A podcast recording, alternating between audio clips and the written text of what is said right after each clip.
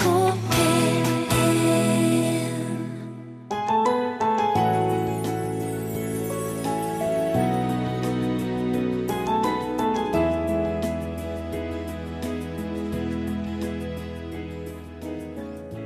Jeg tror den store lidenskapelige kjærligheten den kan smake så søtt, så godt, at man føler at man har krav på den, man har rett på den. Hun snakker om den vanskelige kjærligheten, når du treffer en annen og forlater mann og barn. Det får oss til å tenke litt videre. Om kjærlighetens vesen også kan være egoistisk. Ja, det var et egoistisk valg. Det var jo, men det var ikke noe valg heller, for det bare datt inn som en sånn rosa eksplosjon. Vi skal dessuten snakke om homofil kjærlighet, som er forbudt i mange kirkesamfunn verden over. Men denne gang skal vi innom en kirke i Boston som ønsker homofile velkommen. Jeg heter Miriam Wiklund og ønsker også velkommen til alle som en. Mellom himmel og jord tar opp flere ting i dag som kan røre ved hjertet. Følg med en times tid framover, og du får smake både søtt, salt og syrlig. Bjørn har flyttet til Bali. Da han skulle leie scooter, lærte han noe nytt om å ha tillit. Her har du nøkkelen. Kom tilbake, betal når du kommer tilbake. Så det var total tillit til at jeg da fikk eh, deres scooter en måned uten sikkerhet. Jeg hadde ikke engang et telefonnummer de kunne ringe meg på. Følg med, så får du snart vite mer om livet på Bali. Men nå om den fantastiske og vanskelige kjærligheten. Først så er det, det er som en flukt. Hun sniker seg ut av huset sitt etter at mannen har sovna på kvelden. Hun har skjult at hun allerede har pakka kofferten. Hun har skjult sporene sine, sånn at ingen skal oppdage at hun har tenkt å forsvinne denne dagen. Det sier skuespiller Gjertrud Gynge. På fredag hadde hun premiere på stykket Ingenting av meg ved Det Norske Teatret. Stykket er skrevet av Arne Lygre, og Gjertrud spiller hovedrollen, en kvinne som forlater mann og barn til fordel for en yngre mann. Det handler om den altoppslukende, lidenskapelige kjærligheten og den smertefulle, forbudte kjærligheten. Jeg tror den store lidenskapelige kjærligheten den kan smake så søtt, så godt, at man føler at man har krav på den, man har rett på den. Så når den er på det mest intense, så er den også veldig sånn tosom, da. Og jeg tror inni et sånt um, kaos, da, så tror jeg man kan kanskje glemme litt eh, historien sin. Man kan glemme litt eh, eh, også partner og barn. Eh, jeg tror mye kjærlighet er egoistisk. Og, altså, bare det her valget at hun Altså, hun er jo nødt til å snike seg ut. Et eller annet sted så vet hun vel også det at det er eh, ja, forbrytersk, da. Nei, lett skal det ikke være for noen. Heller ikke for Jon Olav Winge. Han fikk fire barn med sin første kone før skilsmissen var et faktum, og kort tid etter traff han sitt livs kjærlighet, som er hans nåværende kone. Ikledd grønne turbukser, brun T-skjorte og et hode fullt av krusete, blondt hår tar Jon Olav oss barføtt med inn i skogen for å snakke om kjærligheten. Han sier at han var egoistisk som nyforelsket, og at det av og til kunne gå utover ungene. Jeg gjorde mange feil i den prosessen der. Jeg blei jo veldig, veldig forelska. Og da blir man jo litt sånn, får litt sånn rosa skylapper. Og den eldste dattera mi, hun var akkurat i en brytningsperiode i livet sitt, med pubertet og tilknytnings... Altså løsrivelse og sånn. Og jeg tror det blei ganske tøft for hun å se at pappa har en ny dame som han elsker overalt i verden, og hvor blir det av meg oppi dette her? Og det er jo en av de tinga jeg tenker at jeg ville gjort ganske annerledes hvis jeg skulle havna i en sånn situasjon igjen. Nå håper jeg jo ikke det, da. På hvilken måte håndterte du det dårlig? Nei, jeg tenker at eh, i den settingen så burde jeg kanskje prioritert uh, annerledes. Brukt tida mi mer på unga, vært mer tydelig i forhold til dem. Og fordi når man er forelska, så vil man jo gjerne gjøre alt mulig rart, ikke sant. Og da, da blir det sånn at det kan gå på bekostning av barnas ønsker, da. Hvis de f.eks. har lyst til å dra på hytta en helg, og jeg tenker nei, jeg vil heller være sammen med kjæresten og lage pizza og se på TV, og så kan vi gjøre det sammen. Og så er ikke det noe kult, fordi de vil jo helst ha meg for seg sjøl. Ikke sant? Fins ingen fasit på det der heller, Nei, selvfølgelig. nei, jeg tror ikke vi er på jakt etter noen fasit. Du er ikke det? Nei, bare jakt etter livserfaring. Og så sa du jo at det er noen ting du ville ha gjort annerledes. Men har du noen hendelser eller episoder som du kommer på som du liksom tenker at uff, skulle gjort det annerledes? Vi, vi drev og snakka om å bygge på huset for at alle skulle få på en måte hver sin plass. Og det ble ikke gjort. Og da blir det litt sånn derre nomadetilværelse for den som kommer, fordi de ligger i køyeseng på et rom som ikke er helt egna som barnerom. Det tenker jeg det ville jeg gjort annerledes. Jeg tror jeg ville gitt hver enkelt av dem en lite rom som på en måte var dems krypinn. Hva ville det ha gjort, det, det å ha et rom, på en måte? Og da tror jeg de ville ha følt seg mer hjemme hos meg, i mitt hus. For nå tror jeg, men det har jeg ikke spurt dem om, men jeg tror jo de følte seg litt på besøk når de kom. Og så, eh, sånn som du nevnte, at det kanskje var vanskeligst for den eldste dattera di. Eh, og når man ser det, at det kanskje kan være litt sånn tøft for ungene og sånt, eh, og man er forelska, vil du si at det å ha fått seg en ny ei, da, altså var det et egoistisk valg? Ja, det var et egoistisk valg.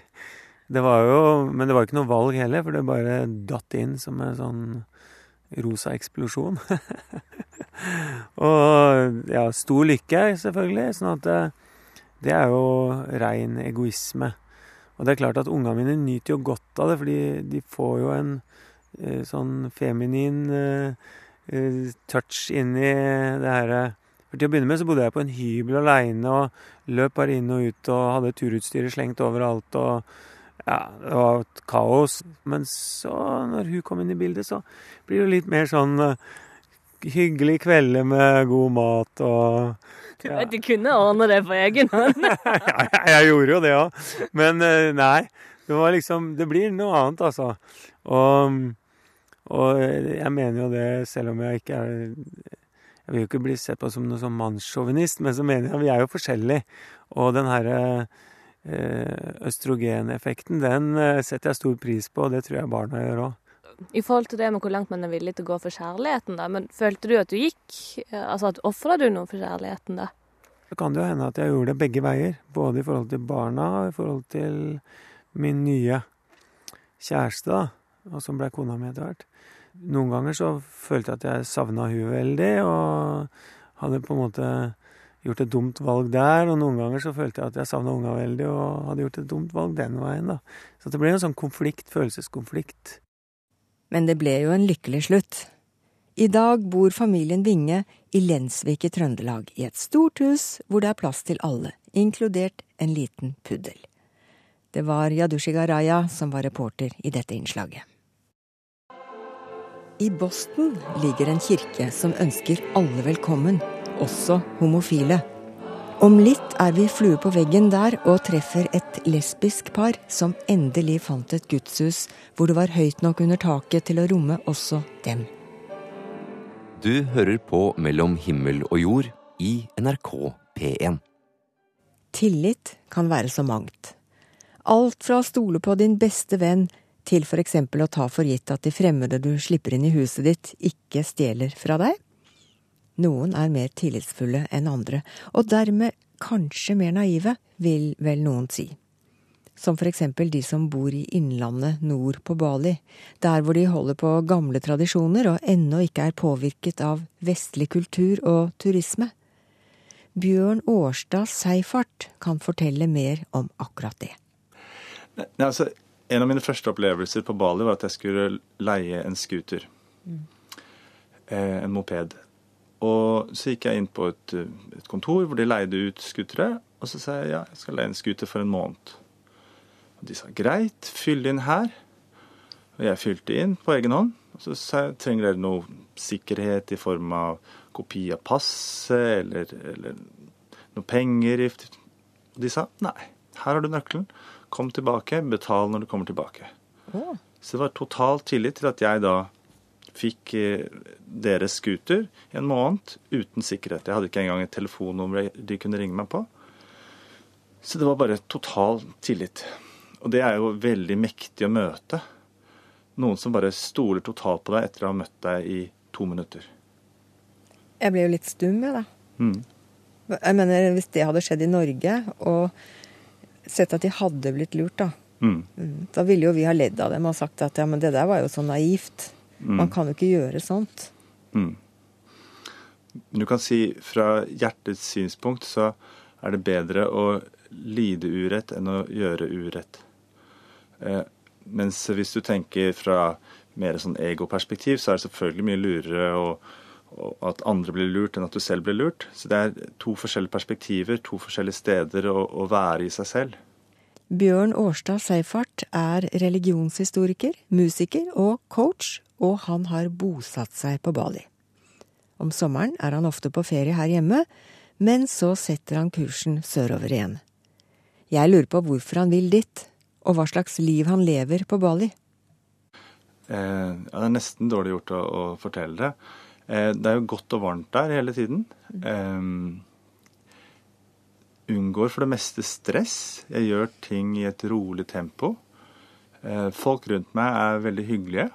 Eh, eh, altså, jeg går på butikken, eller jeg, jeg sitter på en restaurant, og folk er veldig, veldig vennlige. Altså, de, de har både tillit til meg, og de de kjenner meg igjen, og de hilser, og det er en, en sånn hjertelighet som, som gjennomstrømmer egentlig alle interactions, som man kan si.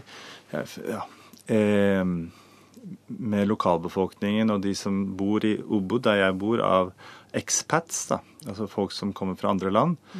Eh, også en veldig god og hjertelig stemning. Så I begynnelsen da jeg bodde der, så hadde jeg ganske høyt stressnivå. Og så har det i løpet av de to årene jeg har bodd der, så har det sunket gradvis og gradvis. Og, så nå er det en mye større ro enn jeg hadde da jeg først flyttet ned.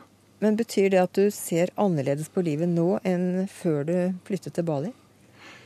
Det gjør jeg nok. Det har jo vært en gradvis påvirkning av både kulturen og omgivelsene. Og, men jeg tenker egentlig mest er det det at jeg har funnet et bedre sted i meg selv å, å se verden fra.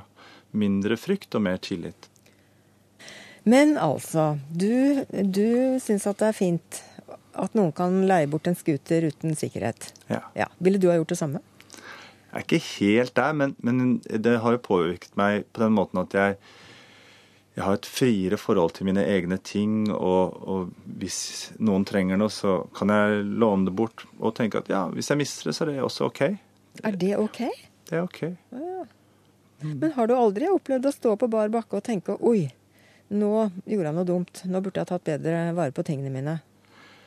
Jeg har ikke helt vært der. Jeg har vært der at jeg har hatt veldig, veldig dårlig råd, og, og da har jeg stort sett fått hjelp av folk som ikke nødvendigvis har så mye.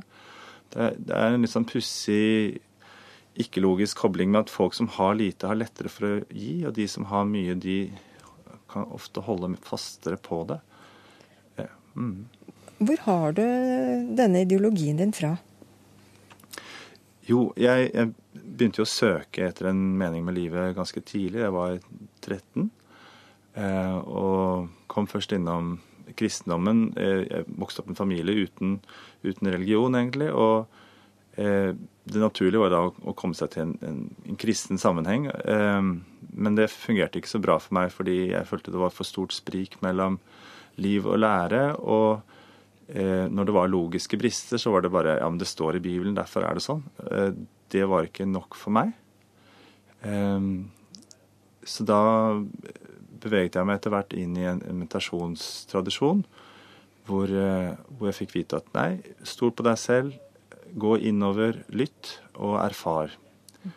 Ikke tro på noe sånn blindt. Eh, så det var mitt utgangspunkt. Eh, Men, men hvis du La meg si at alt rakner rundt deg. mm, Du mister jobben, du står helt på bar bakke. mm. Er du like trygg da? Ja, Det som skjedde da jeg flyttet til, til Bali, var jo at jeg hadde en jobb eh, som gjorde det enkelt, relativt enkelt, å flytte til Bali. Eh, den jobben var veldig intensiv, og jeg var ikke helt på bølgelengde med sjefen, som var fra USA, og forventet 10-12 timers arbeidsdag seks dager i uken. Så jeg holdt ut i to måneder. Og etter det så var jeg da på Bali uten jobb, uten inntekt. Hadde forlatt det meste i Norge. Og det var en ganske fortvilet situasjon. Um, og da ble jeg jo ganske stressa. Mm. Uh, så da Du reagerte normalt, med andre ord? Jeg reagerte helt normalt. Jeg er ganske normal på mange måter. Det gjorde jeg som kanskje de fleste ville ha gjort. og Jeg prøvde alle veier og bauger og kanter og se hvor kan jeg tjene penger. Jeg startet mange prosjekter på en gang og satte i gang på, med et forrykende tempo. Det som, som, da viste seg å, å gi meg en, en, inntekt jeg kunne klare meg på, det var da å gjøre det jeg likte å gjøre, nemlig å, å synge. Så jeg, også jeg spilte en del CD-er, så jeg solgte CD-er og noen sangbøker jeg har laget. Og, og det skaffet meg en inntekt.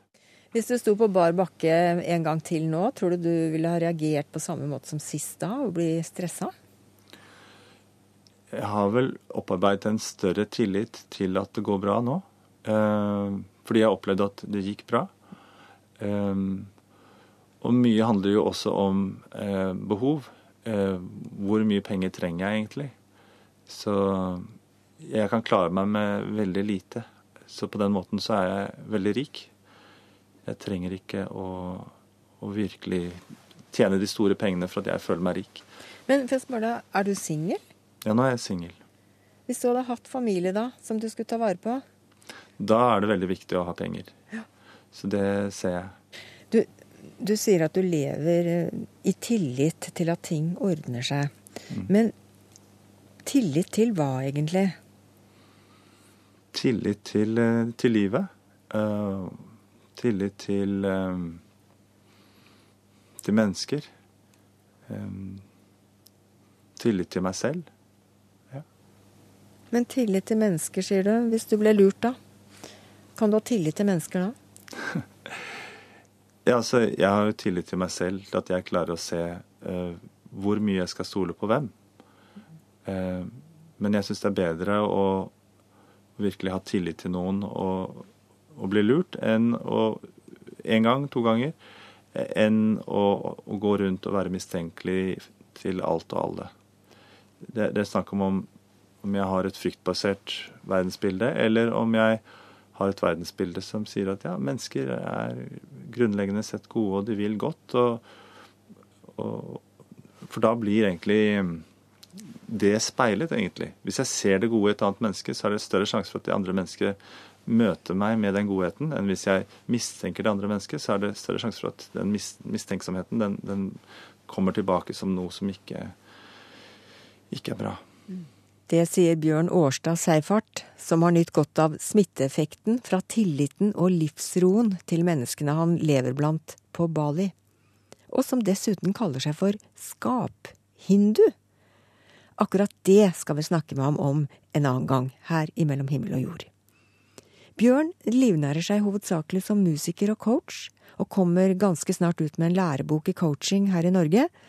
Men nå skal vi høre litt på musikken hans. Hvilken låt vil han foreslå? Nei, jeg vil anbefale uh, Don't Believe in Everything You Think. Det er en reggae-låt hvor jeg ganske kort forteller uh, essensen av hva jeg tror på. Og det er at man ikke skal feste seg altfor mye på, ved tankene, men å kjenne etter om det er fra kjærlighet eller, eller frykt man kommer, og da fortrinnsvis velge kjærligheten og åpne seg for det underet som livet faktisk er. Mellom himmel og jord. Etter å ha rent fysisk blitt kastet ut av flere kirker i USA, har nå det lesbiske paret Debbie og Cathy funnet et sted de kan fortsette å be til Gud. Bli med til kirken i Boston, hvor kristne homofile og lesbiske gjemmer seg.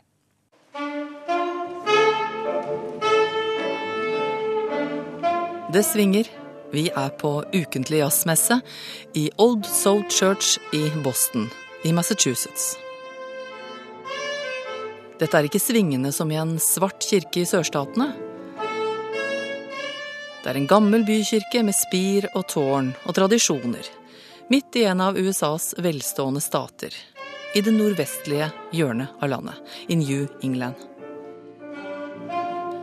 Jeg har tatt en prat med pastoren før det begynte. Hørt at det er tre faste musikere her hver gang, og at når han leser bibeltekster, så akkompagnerer musikerne han. Det er ikke derfor jeg er her. Jeg har hørt om denne kirken av helt andre grunner.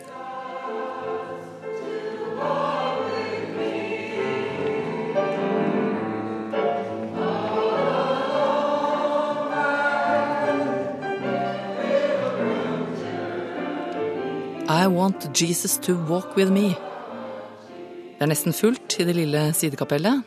Anthony Livosti er en ung pastor i starten av 30-årene.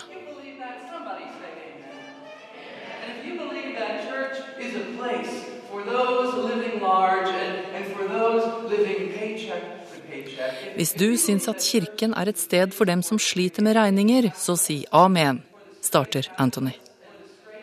Hvis du synes at kirken er et sted for alle, og spesielt for de fantastiske homofile og lesbiske, så si amen.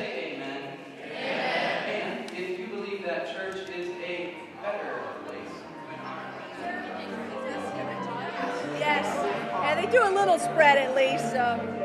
It forces us all to like stick around because we're very food oriented. Did you want something? Jeg kommer i snakk med Debbie, en smilende dame på omtrent 50 år som spør om jeg vil ha en kake til på kirkekaffen. Det tar ikke lang tid før hun presenterer meg for Catty. Uh, from the church here, and and heard the bells ringing in a sense, and um, walked in and felt immediately just uh, Vi kom ut av T-banen her nede på hjørnet for åtte måneder siden, og ble dratt mot denne kirken og kjente med en gang at dette var vårt sted. Debbie og Catty har en historie å fortelle, og det er en grunn til at jeg møter dem her i dag. Catty er pastordatter og har levd hele livet sitt i én menighet, inntil for noen år siden. I mean, we, we both were raised in, in churches, and and you felt the love and the community, and you know, I mean, that's all I knew. And then that community was asking me to leave. It, it was extremely, extremely difficult. Catty var gift og hadde tre tenåringer. Debbie hadde to, og så møtte de hverandre på en religiøs retreat. Og det skulle forandre på alt for disse to middelaldrende damene.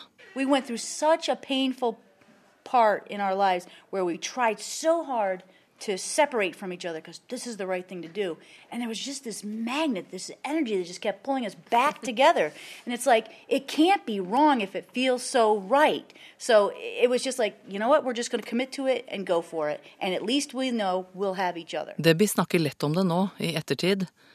Det ble oss to fordi vi måtte, sier hun. Vi var som to magneter som ble dratt mot hverandre hele tiden. Begge hadde levd i ekteskap med menn gjennom et langt liv. Veien ut av det og mot det lesbiske samlivet var en tung kamp for de kristne kvinnene. The church found out that I was gay and that I was leaving my husband and asked me not to come back. And, you know, sheltered my children and my ex husband and just kicked me out the door. Da de fant ut hva jeg hadde bestemt meg for, så kastet de meg regelrett ut av kirken. Den kirken jeg hadde gått i med alle barna mine i mange år. We went to some churches and completely didn't feel as though we were welcome. Basically said, thank you for worshiping today, do not return. Do they say don't come back? Oh, yeah. Yes. Why? Yeah. Did they say why? Well, because we're, we're sinners in their eyes. Etter disse tøffe konfrontasjonene spør jeg Cathy hva gjorde det med deg? What was my reaction? Uh, about a year's worth of depression. yeah, we, I think we both felt as though we were doing something wrong and we struggled with our God wouldn't do this to us. Debbie og Cathy skjønte raskt at de kom til å miste hele sin omgangskrets og sine menigheter, og de måtte begynne på nytt sammen. Og de prøvde seg litt fram, men ofte med samme resultat.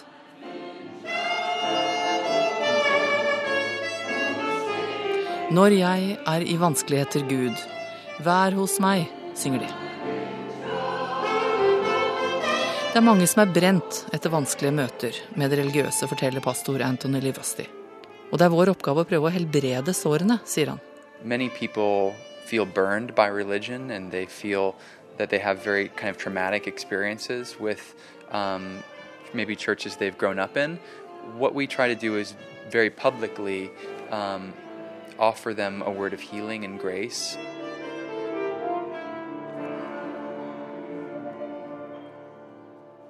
We are very um, excited to do it, and we think it's our it's a gift to us. Um, we're not shy to try to invite them in and to put up big signs and to make sure that you know, a lot of people just don't know that there are any churches that that welcome lesbian, gay, and um, trans people, and so we think we have a special ministry to Mange vet ikke at det fins en sånn kirke her i Boston. Vi har um, um. Anthony forteller om alle de som har kommet til kirken og brukt den som et gjemmested. Um, you know, we have people from here who are Latin American, who are from Colombia or Guatemala and have come to the United States. So, Vi har folk her nå fra Latin-Amerika og Kina som har brutt all kontakt med familiene sine for ikke å bli oppdaget.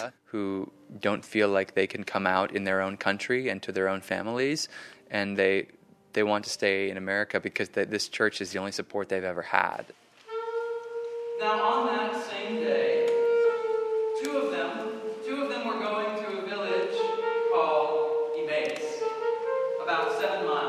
When they start their services, they want everyone who's sitting there to feel welcome. And you do. And you feel as if they're talking. I did. It feels like they're talking directly to you. So there was definitely a sense of um, we care about you, we know you're here, and, you know, we love you. And thank you for coming, kind of thing. So it was just a wonderful, absolutely wonderful feeling. Their eyes were kept from recognizing. The majority of our friends don't um, go to church or practice religion. Yeah, I think because a lot of them, yeah, a lot of them have been hurt. A lot of them don't care anymore. A lot of them, uh, they don't feel that going to church is is what they want to do.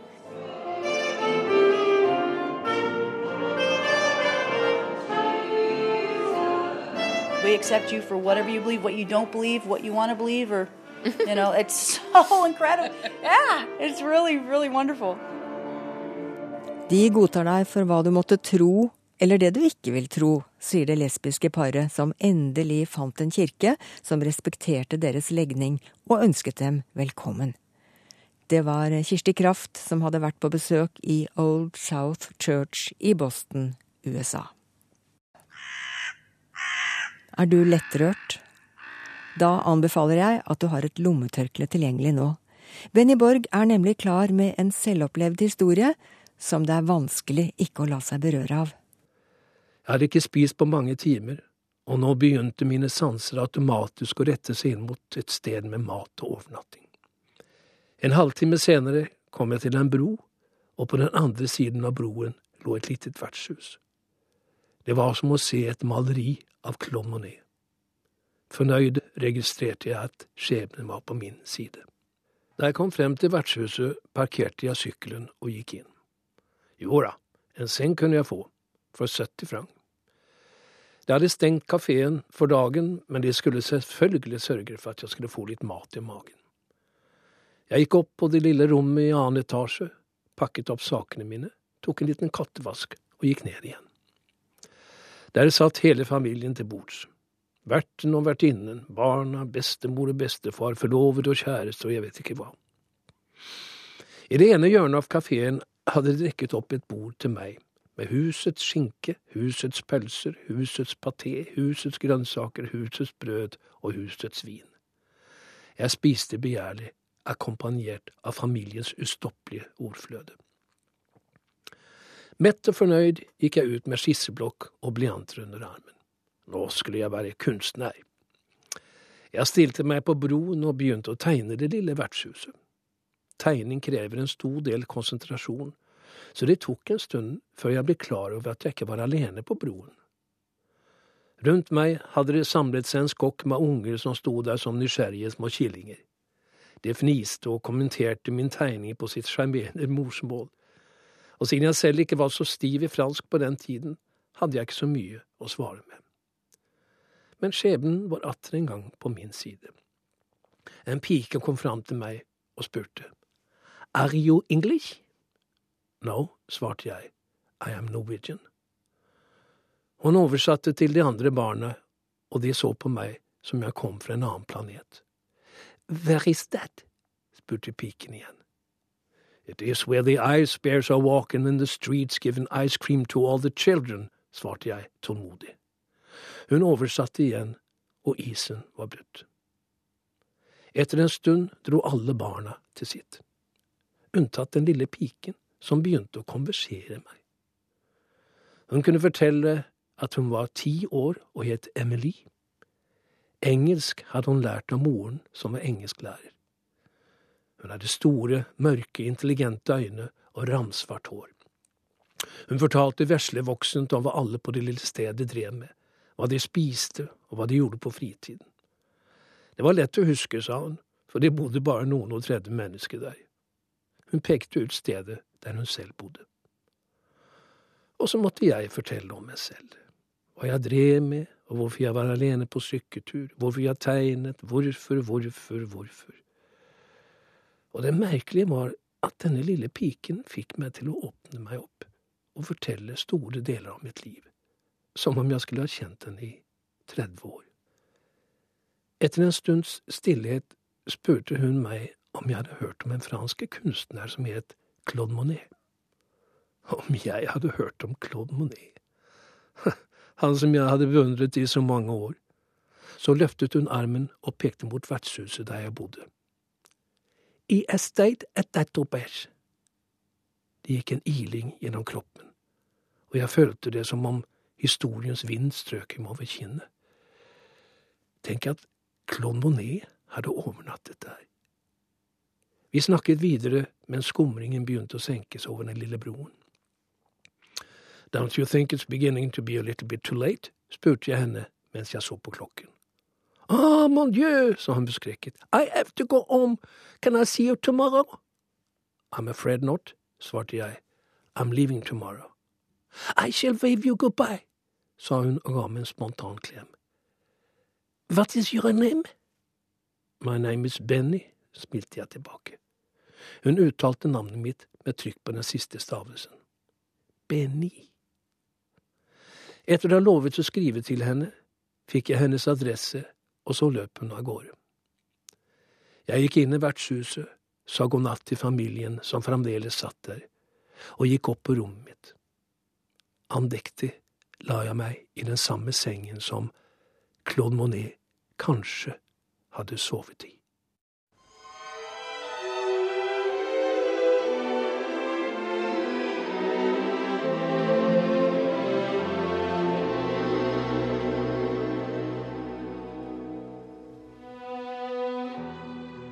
Neste morgen sto jeg tidlig opp.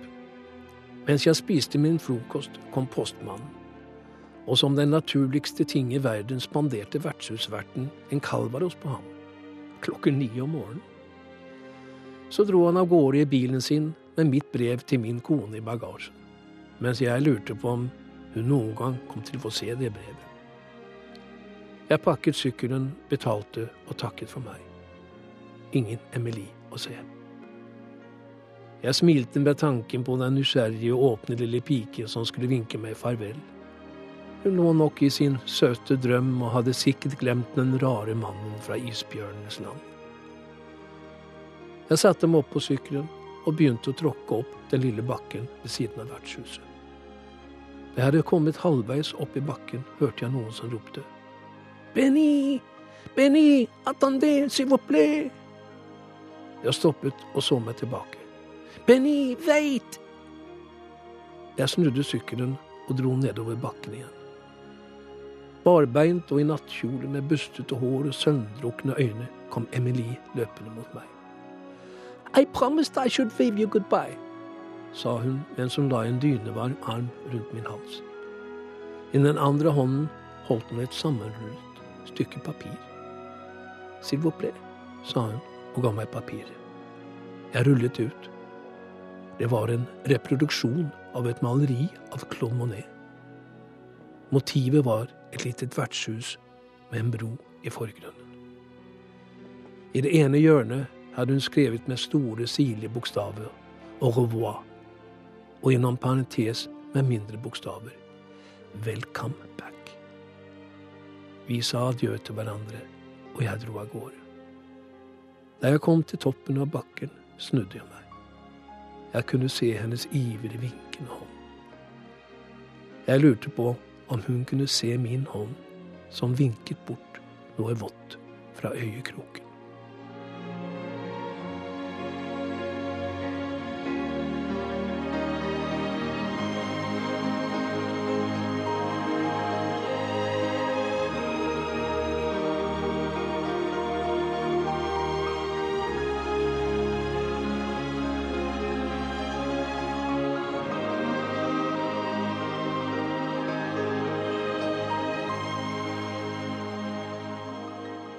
Det var Benny Borg som fortalte denne historien, og den har vi sakset fra årets Sommer i P2.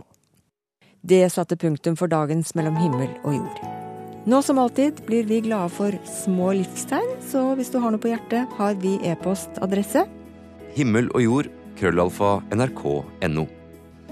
Og postadresse. Mellom himmel og jord, NRK 7005, Trondheim. Og ellers så har programmet fast reprisetid på den digitale kanalen NRK P1 pluss søndager klokka 21.05. Du kan også høre det om igjen ved å klikke deg inn på radio.nrk.no.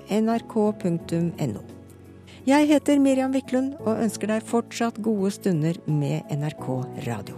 Mellom himmel og jord, søndager klokka ti.